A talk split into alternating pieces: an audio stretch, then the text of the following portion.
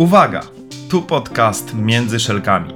Ja nazywam się Adam Pluciński i serdecznie zapraszam Cię do mojego świata. To miejsce, w którym usłyszysz o wielu błędach, jakie w ostatnich kilkunastu latach popełniłem w sprzedaży, co kosztowało mnie w sumie ładnych parę milionów. I o tym, jak cały czas uczę się na błędach zarządzać zespołami. Zebrałem doświadczenie z setek firm, osób w nich zarządzających i tysięcy handlowców, z którymi przez większość mojego życia zawodowego miałem przyjemność pracować, wspierając ich w rozwoju. Jeżeli na co dzień zajmujesz się sprzedażą lub zarządzasz zespołem, to ten podcast jest właśnie dla Ciebie. Zapnij pasy, usiądź w fotelu lub połóż się wygodnie i wykorzystaj ten czas, bo to Twój czas na rozwój. Zapraszam Cię serdecznie, Adam Pluciński. Odcinek 24. Jak konkurencja wykorzystuje Twoją bazę klientów do zwiększania sprzedaży? Drogi słuchaczu, droga słuchaczko, witam Ciebie w 24 odcinku podcastu Między Szelkami. Jeśli tutaj jesteś, to znaczy, że sam tytuł dość mocno Cię zastanowił albo przynajmniej przyciągnął. Jak to jest? Czy naprawdę konkurencja korzysta z Twojej bazy klientów? Zdecydowanie tak i nawet o tym nie wiesz. W tym odcinku skupię się na czterech ważnych rzeczach. Czyli pierwszej, dlaczego Twoja baza klientów jest tak cenna dla Twojej konkurencji. W kolejnej części o tym, jak chronić swoją bazę klientów przed konkurencją i jak utrzymać lojalność swoich klientów. Jednocześnie powiem o tym, jak konkurencja korzysta z Twojej bazy klientów i zwiększa swoją sprzedaż oraz jakie są największe błędy, które popełniają firmy i handlowcy w zarządzaniu bazą klientów i tym, jak ich unikać. Jeżeli te zagadnienia są dla Ciebie interesujące, to już za moment zapraszam Cię do odsłuchania merytorycznej części odcinka. A tymczasem przypominam o naszych ustaleniach. Jeśli wyciągasz z tego odcinka coś wartościowego, istotnego i ważnego, zostaw wiadomość, zostaw komentarz, daj łapkę w górę, udostępnij ten podcast dalej lub po prostu go oceń. Dla mnie ma to ogromne znaczenie i dzięki temu będę nagrywał kolejne odcinki. A tymczasem lecimy już do merytoryki. Jak to możliwe jest, że konkurencja ma dostęp do bazy moich klientów? Już odpowiadam na to pytanie. Odpowiedź jest bardzo prosta. Niestety, sam dajesz dostęp, drogi handlowcu, droga handlowczyni, swojej konkurencji do swoich klientów. Dlaczego Twoja baza jest dla nich tak cenna? Już teraz się na tym skupię. Odpowiedź jest banalna, bo jeśli Ty nie korzystasz regularnie ze swojej bazy klientów, to Twoja konkurencja może w bardzo prosty sposób zmienić Twoje produkty na swoje rozwiązania. I nie ma tutaj żadnej magii. Jeśli nie opiekujesz się klientem i niewystarczająco zwracasz na niego uwagę, robi to Twoja konkurencja. I chodzi o to, że nie będzie miała żadnej litości. A Twój klient, który żyje na konkurencyjnym rynku, chętnie nawiąże współpracę z kimś nowym. I to, że macie ogromną relację, długoletnią, wcale nie oznacza, że jeśli się nie będziesz nim opiekował, to że Twoja konkurencja nie przejmie go i nie przerzuci na drugą stronę mocy. Tą dobrą. Pewnie z Twojego punktu tą złą, ale z jego punktu widzenia tą dobrą. Więc jeśli chcemy pilnować swojej bazy i tego, żeby w żaden sposób jej nie udostępniać, musimy dbać o naszych klientów. Zacznijmy od tego, że warto ustalić i monitorować swoje kluczowe wskaźniki sprzedaży takie jak koszt pozyskania klienta, jego wartość, długość życia tego klienta, czy też produktu, częstotliwość wizyt. Tych wskaźników monitorowania sprzedaży może być wiele, ale chodzi o to, że ty handlowcu, tak samo jak ty dyrektorze sprzedaży, musicie monitorować te rzeczy, bo jeżeli nie będziecie kontaktować się z tym klientem w odpowiednim czasie, w odpowiednich sekwencjach, oczywiście wszystko zależy od segmentu, wielkości tego klienta. Dzisiaj się tym nie będziemy zajmowali, ale chodzi o to, że musimy to monitorować. Bo to pozwoli tobie cały czas trzymać rękę na pulsie. No dobra. Monitorujesz już swoje kluczowe wskaźniki sprzedażowe. Teraz skup się na jeszcze jednej ważnej rzeczy. Twój klient musi mieć zapewnioną wysoką jakość obsługi klienta. Pamiętaj o tym, że nie tylko ty kontaktujesz się ze swoim klientem, ale często klient ma z Twoją firmą wiele punktów styku. Ty wykonujesz oczywiście swoją pracę serwisową. Wszystko zależy od tego, co sprzedajesz i w jaki sposób. Ale ty, jako handlowiec, jako doradca, masz zadanie opiekować się klientem i serwisować tego klienta, aby zapewnić, żeby cały czas miał dostęp do Twojego towaru i cały czas jakby był pod tym kątem zabezpieczony. Po co? Aby po prostu z innym towarem nie weszła Twoja konkurencja, bo jeśli oni sprzedają, Ty już w tym momencie nie będziesz miał takiej możliwości. Kolejna rzecz to jest związana z całą masą działów, które się znajduje w Twojej firmie. Musisz zaplanować pewną strategię dla całej firmy. Musi to być strategia dla biura obsługi klienta, dla serwisu, dla magazynu, dla osób, które zajmują się badaniem satysfakcji. Jakkolwiek i ilekolwiek masz tych działów, musisz zadbać o to, żeby na każdym styku ten klient był usatysfakcjonowany, żeby cały czas walczyć o tak zwane customer experience, czyli żeby te doświadczenia klienta powodowały to, aby on następnym razem chciał u ciebie kupować. Bo drogi handlowcu, droga handlowczyni, drogi dyrektorze sprzedaży, dyrektorko, zdarza się często tak, że ty wykonujesz swoją pracę dobrze, ale na biurze obsługi klienta ktoś zawali. Ktoś nie dowiezie tematu na magazynie. Ktoś z działu finansowego skontaktuje się i powie: Drogi kliencie, oddawaj pieniądze, a on się wtedy obrazi. Jeżeli znasz tę sytuację, to pewnie dobrze pamiętasz, jak to jest bardzo wkurzające i frustrujące. Dlatego ważne jest to, aby zadbać na poziomie całej strategii i na poziomie całej tej obsługi. Bo niezależnie od tego, czy będziesz znakomitym handlowcem, czy wspaniale przedstawisz propozycję, zbudujesz te wartości, ale jeżeli na innym etapie ktoś nawali, sorry, klient i tak nie kupi. Kolejną ważną rzeczą, o której będę chciał mówić, to to, jak musisz chronić swoją bazę klientów przed konkurencją i jak utrzymać lojalność Twoich klientów. Pierwszej kolejności zapewnij szybką i profesjonalną obsługę. Dzisiaj ma znaczenie ogromny czas, w jakim klient jest obsługiwany. Bardzo często zależy mu na szybkim otrzymaniu towaru, szybkim rozwiązaniu reklamacji, więc ten czas ma ogromne znaczenie. Dlaczego? Bo jeżeli spojrzymy sobie nie tylko na sprzedaż, ale na naszą codzienność, to jedna rzecz, której nam brakuje, to czas. I tego czasu nie jesteśmy w stanie kupić.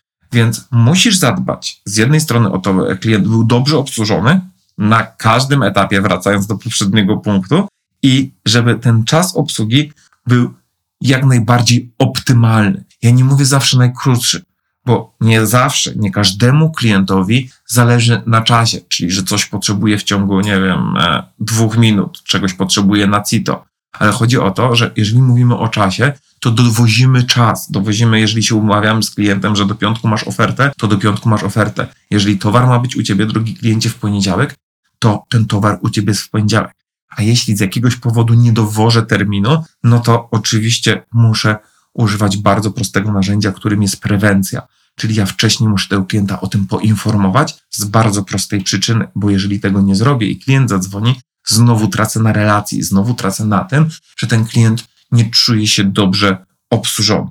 Więc tutaj ważnym aspektem jest to, żeby zapewnić szybką i profesjonalną obsługę, by zbudować tak naprawdę u klienta zaufanie, no bo jeżeli ja dowożę tematy, dotrzymuję słowa, to jest jeden z elementów, który wpływa na budowanie zaufania, a druga rzecz to buduje u klienta lojalność. Dlatego, że jeżeli klient czuje się dobrze obsłużony, ufa mi, no to jednocześnie ta jego lojalność wzrasta. Czy to tylko są aspekty, które wpływają na lojalność klienta? Jest ich oczywiście wiele więcej, ale są to jedne z tych, które są najważniejsze i najbardziej kluczowe. Kolejną ważną rzeczą, aby chronić swoją bazę klientów, jest to, żeby Twoja oferta była unikalna, żeby była taka, aby wyróżniała się na tle konkurencji i aby było w niej coś, czego klient nie dostanie gdzieś indziej. No i teraz możecie się tak zastanowić, no dobra, ale jeżeli ja oferuję klientem dokładnie ten sam produkt, czy tą samą usługę, co firmy konkurencyjne, sprzedaję produkt X i klient też sprzedaje produkt X dokładnie tej samej marki, z tym samym składem, tylko różnimy się ceną. No to tym bardziej tutaj jest miejsce na to, abyś ty, drogi kliencie, drogi handlowcu, drogi dyrektorze sprzedaży, znalazł przewagi konkurencyjne, czyli coś, co wyróżnia was i waszą ofertę na tle innych hurtowni, na tle innych firm, na tle innych handlowców, bo dopiero wtedy jestem w stanie pokazać temu klientowi, że moja oferta jest unikalna, że ona ma coś więcej niż dają inni handlowcy. I teraz, czym może być ta unikalność? Może być szybkością obsługi, może być załatwianiem reklamacji od ręki, może być tym, że mamy serwis 24 na 7, etc. Trzeba znaleźć tą przewagę konkurencyjną, która może spowodować to, że klient zamiast kupić u konkurencji, wybierze Was, żeby konkurencja, kiedy przyjdzie do niego i powie, a zaoferuję tobie coś 10 groszy taniej, 20 zł, czy 30% taniej, to temu klientowi wcale nie będzie łatwo powiedzieć, ok, biorę, bo będzie dostawał coś więcej, czego nie dają mu inni. Więc musimy cały czas śledzić rynek, weryfikować to, jak działa konkurencja, żeby móc temu klientowi dostarczać unikalną ofertę i wyróżnić się na tle innych. Kolejna rzecz, która pozwoli Tobie chronić swoją bazę klientów, to utrzymywanie regularnych kontaktów z klientami i zapewnienie im wartościowych informacji, czyli tak zwanej edukacji, czyli dostarczanie im wiedzy, dostarczanie im czegoś, czego nie dostają znowu od konkurencji.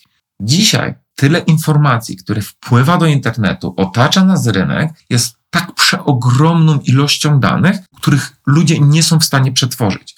I trochę Twoim zadaniem jako doradcy jest dostarczanie tej wiedzy klientowi i zapewnianie takiego regularnego dostępu do pewnych wartości, pewnych informacji, które mogą klientowi na przykład podejmować lepsze decyzje, uzupełnić pewne informacje, czy też zadziałać w takim kierunku, aby wyprzedzić konkurencję, wdrażając nowe produkty. Więc Twoim zadaniem jest dostarczanie też tej wartościowej wiedzy w różnym formacie. Ja wybrałem do tego na przykład podcast, który może docierać do szeregu klientów, dostarczać im wartościowej wiedzy i nawet jeżeli dzisiaj spoglądamy sobie na aktualnie sytuację rynkową, która jest związana z inflacją, z wojną i z tym wszystkim, co się dzieje na rynku, i chcąc czy nie chcąc, niektóre firmy zblokowały pewne budżety, to teraz cały czas mogą też dostarczać wartość swoim handlowcom.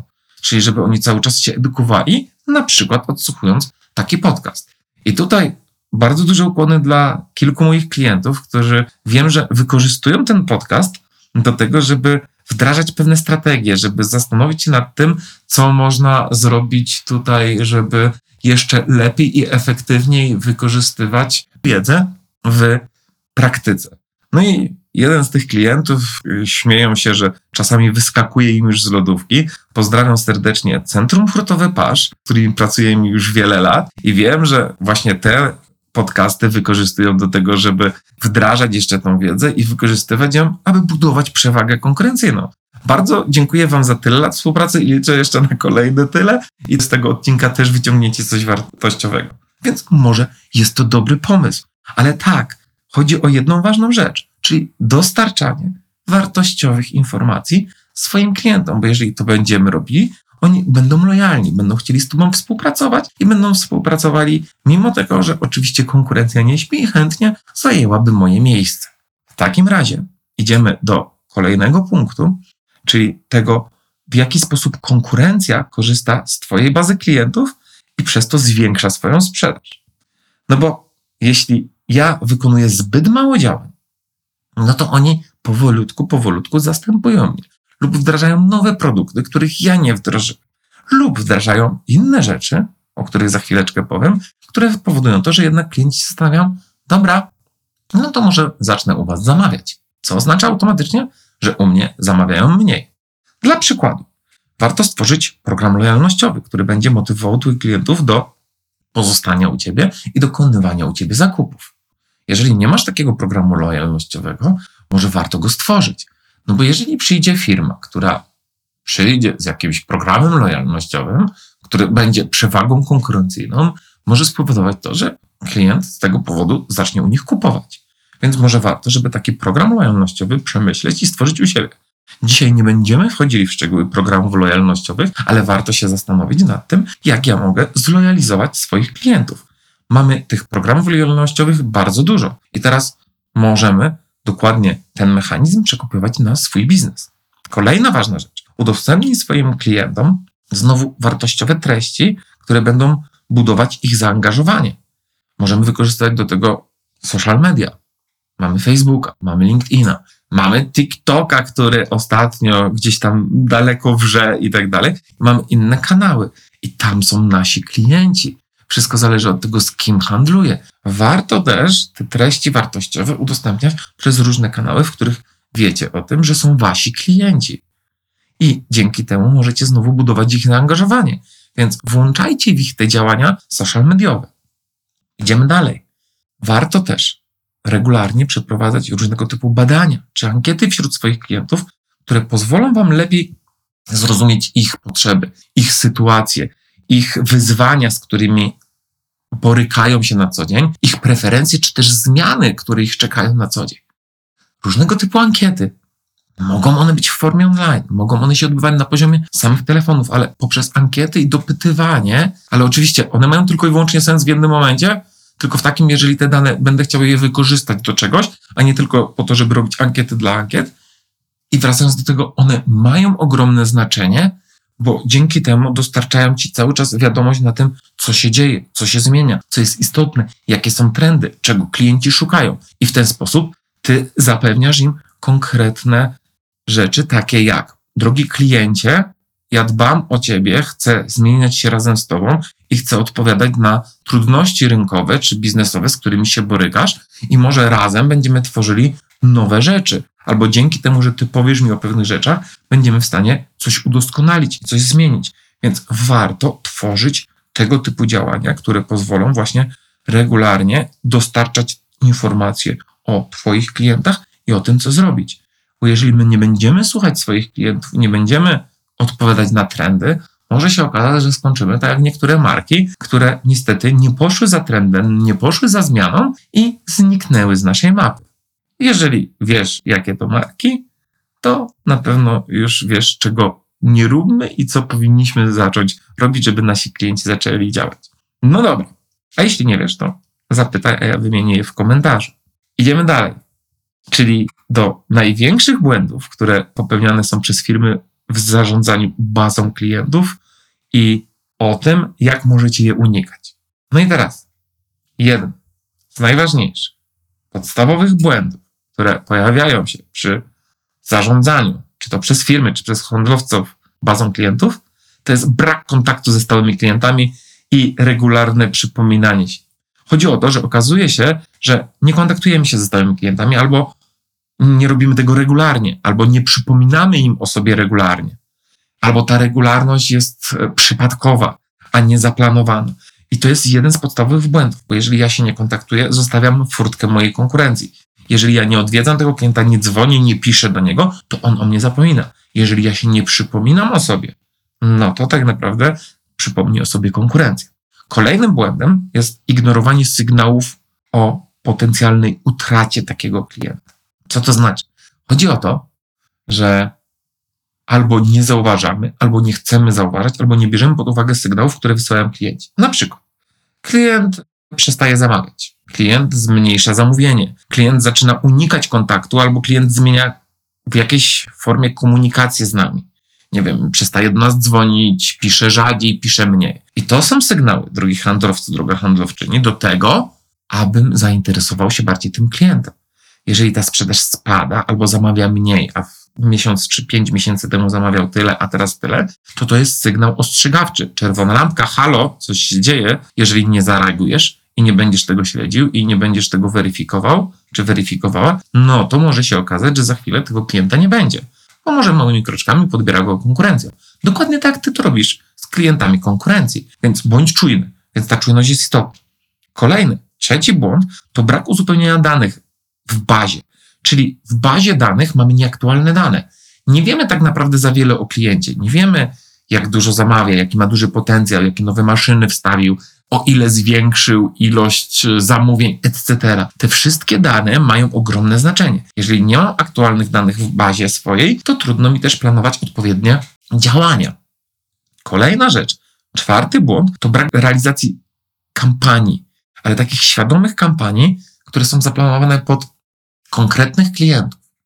Co mam na myśli mówiąc kampanię? Na przykład chodzi o specjalne akcje promocyjne, które będą skierowane dla klientów, którzy na przykład wydali x tysięcy w danym miesiącu, którzy kupili dane produkty lub takich klientów, którzy pytali ostatnio o jakieś rozwiązanie. Chodzi o to, że jeżeli nie realizuje świadomych kampanii, które odnawiają i powracają do klientów, no to tak naprawdę nie realizuje i jakby nie kontaktuje się z tą bazą tak często, jakby mógł. I to jest o tyle ważne, że czasami te kampanie mogą być najróżniejsze, bo one wcale nie muszą być kampaniami sprzedażowymi. Takim jednym przykładem takiej kampanii, którą zrealizowaliśmy dla naszych klientów, wykorzystaliśmy do tego tworzenie naszego portfolio. Rozbudowywaliśmy nasze portfolio i chcieliśmy sprawdzić, na ile jakby to wszystko, co w nim jest, jest strawne. I pomyśleliśmy o tym, że kurczę, kto nam najlepiej o tym powie?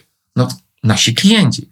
Więc postanowiliśmy wysłać wszystkim naszym klientom nasze portfolio, ale uprzedzaliśmy je telefonem najczęściej, czy też mailem, ale z takim założeniem, że drogi kliencie, tak naprawdę potrzebujemy Twojej pomocy i chcielibyśmy się dowiedzieć, na ile to portfolio, które stworzyliśmy, jest czytelne. Bo chcemy wykorzystać je do pozyskiwania kolejnych klientów, do tego, żeby gdzieś poszerzać e, naszą bazę klientów. I co się okazało? Nasi klienci bardzo chętnie się w to zaangażowali. I zobaczcie, co my zyskaliśmy. Z jednej strony, oczywiście zrobiliśmy trochę badanie rynku, czyli a, wiedzieliśmy, jak dostaliśmy feedback od naszych klientów, którzy powiedzieli nam, tu by się coś przydało, tu by coś jeszcze można zrobić. Dostaliśmy szybką informację zwrotną, robicie to dobrze, albo to jeszcze możecie zrobić lepiej, bo to będzie lepiej widziało. A drugą taką wartość, którą dostaliśmy, to to, że klienci, część z nich tak naprawdę zaczęła nas pytać o produkty czy usługi, których do tej pory my z nimi nie realizowaliśmy, bo oni kojarzyli nas, nie wiem, ze sprzedaży, z obsługi klienta, ze szkoleń menedżerskich, ale nie wiedzieli o tym, mimo tego, że dostawali informacje gdzieś tam, że realizujemy coś innego. Więc ta kampania z jednej strony dała nam kilka pieczeni na jednym ogniu. Dowiedzieliśmy się, jak widzą nasze portfolio nasi klienci, dowiedzieliśmy się, co możemy lepiej zrobić i dostaliśmy jeszcze tak naprawdę możliwość współpracy z tymi klientami w innym zakresie usług. No i chyba ostatni taki błąd, który akurat chcę poruszyć, ale oczywiście on nie jest zamykającym listę błędów, ale taki, który gdzieś też wymieniłem, to zajmowanie się klientami małokalorycznymi. I to jest taki chyba błąd, gdzie zaczynamy się skupiać albo skupiamy się dość mocno na klientach małokalorycznych, czyli takich, którzy są nieopłacalni albo przynoszą, ledwo opłacają koszty obsługi. Zastanówcie się, ilu macie takich klientów w bazie, którzy, z nawet pracujecie od lat, ale zamawiają tak mało albo tak niewiele, że ogólnym rozmowie, jak policzymy czas, paliwo i etc., inne rzeczy, to tak naprawdę e, oni nie przynoszą nam żadnego zysku. Może warto w takim razie zająć się klientami bardziej kalorycznymi. No i drogi słuchaczu, druga słuchaczka, to by było na tyle w 24 odcinku mojego podcastu. I krótko podsumowując dzisiejszy odcinek. Dlaczego Twoja baza klientów jest tak cenna dla Twoich konkurentów? Ponieważ to Ty, kiedy nie korzystasz z niej regularnie, to Twoi klienci korzystają z usług Twojej konkurencji. Ustalaj, monitoruj swoje kluczowe wskaźniki, zapewniaj wysoką jakość obsługi i zadbaj o regularny kontakt z Twoimi klientami. Ty wykonuj swoją pracę serwisową, strategię, plany całą firmą poprzez biuro obsługi, serwis, magazyn czy osoby, które badają satysfakcję. Pamiętaj o tym, żeby chronić swoją bazę klientów przed konkurencją i trzymać ich lojalność. Zapewniaj im szybką i prostą obsługę, aby zbudować ich zaufanie i lojalność. Stwórz unikalną ofertę, która będzie wyróżniać Ciebie na tle konkurencji. Utrzymuj też regularny kontakt z klientami, zapewnij im wartościowe informacje oraz oferty, które będą wyróżniały się na tle innych. Kolejny punkt to to, że konkurencja korzysta z Twojej bazy klientów i zwiększa swoją sprzedaż. Żeby tego nie robiła, stwórz programy lojalnościowe, które będą motywować Twoich klientów do pozostania u Ciebie. Udostępnij swoim klientom wartościowe treści i informacje, które będą budować ich zaangażowanie. Jednocześnie regularnie przeprowadzaj badania i ankiety wśród swoich klientów, aby cały czas być na topie, zrozumieć tego, co potrzebują i uzyskiwać informacje o ich preferencjach i zmianach i trendach na rynku. Dodatkowo, jak unikać największych błędów popełnianych przez e, firmy i handlowców w zarządzaniu?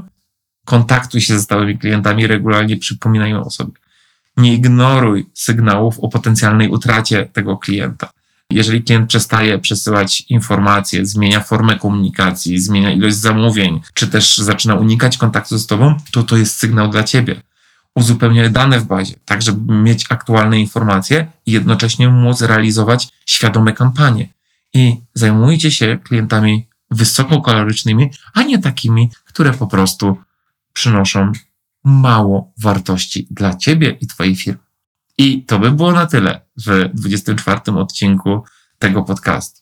Już tradycyjnie przypominam, że jeżeli z tego odcinka zabierasz coś wartościowego, coś istnego, zostaw łapkę w górę, daj subskrypcję, podziel się komentarzem, udostępnij go dalej, bo dla mnie jest to ogromna wartość, kiedy docieram do szerszej ilości klientów. Bo drogi kliencie, nie ukrywajmy, ten podcast jest też narzędziem sprzedaży, które dzieląc się i dając swoją wiedzę, przekonuje część klientów do siebie, którzy po prostu pytają o moje usługi. Więc jeśli chciałbyś zapytać o to, w jaki sposób, czy to ja, czy moja firma, możemy Ci pomóc, możemy Cię wesprzeć, to na stronie cyrcinus.pl po prawej stronie w górnym rogu masz miejsce na bezpłatną konsultację.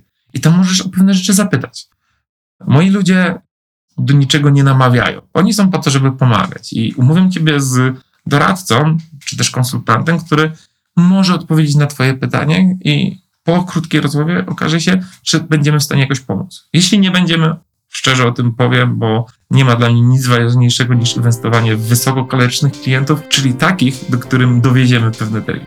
Z mojej strony to już wszystko. Dziękuję Ci za ten czas i oczywiście zapraszam do odsłuchania kolejnego podcastu, czyli kolejnego odcinka, który już za dwa tygodnie. Do zobaczenia. Adam Pluciński.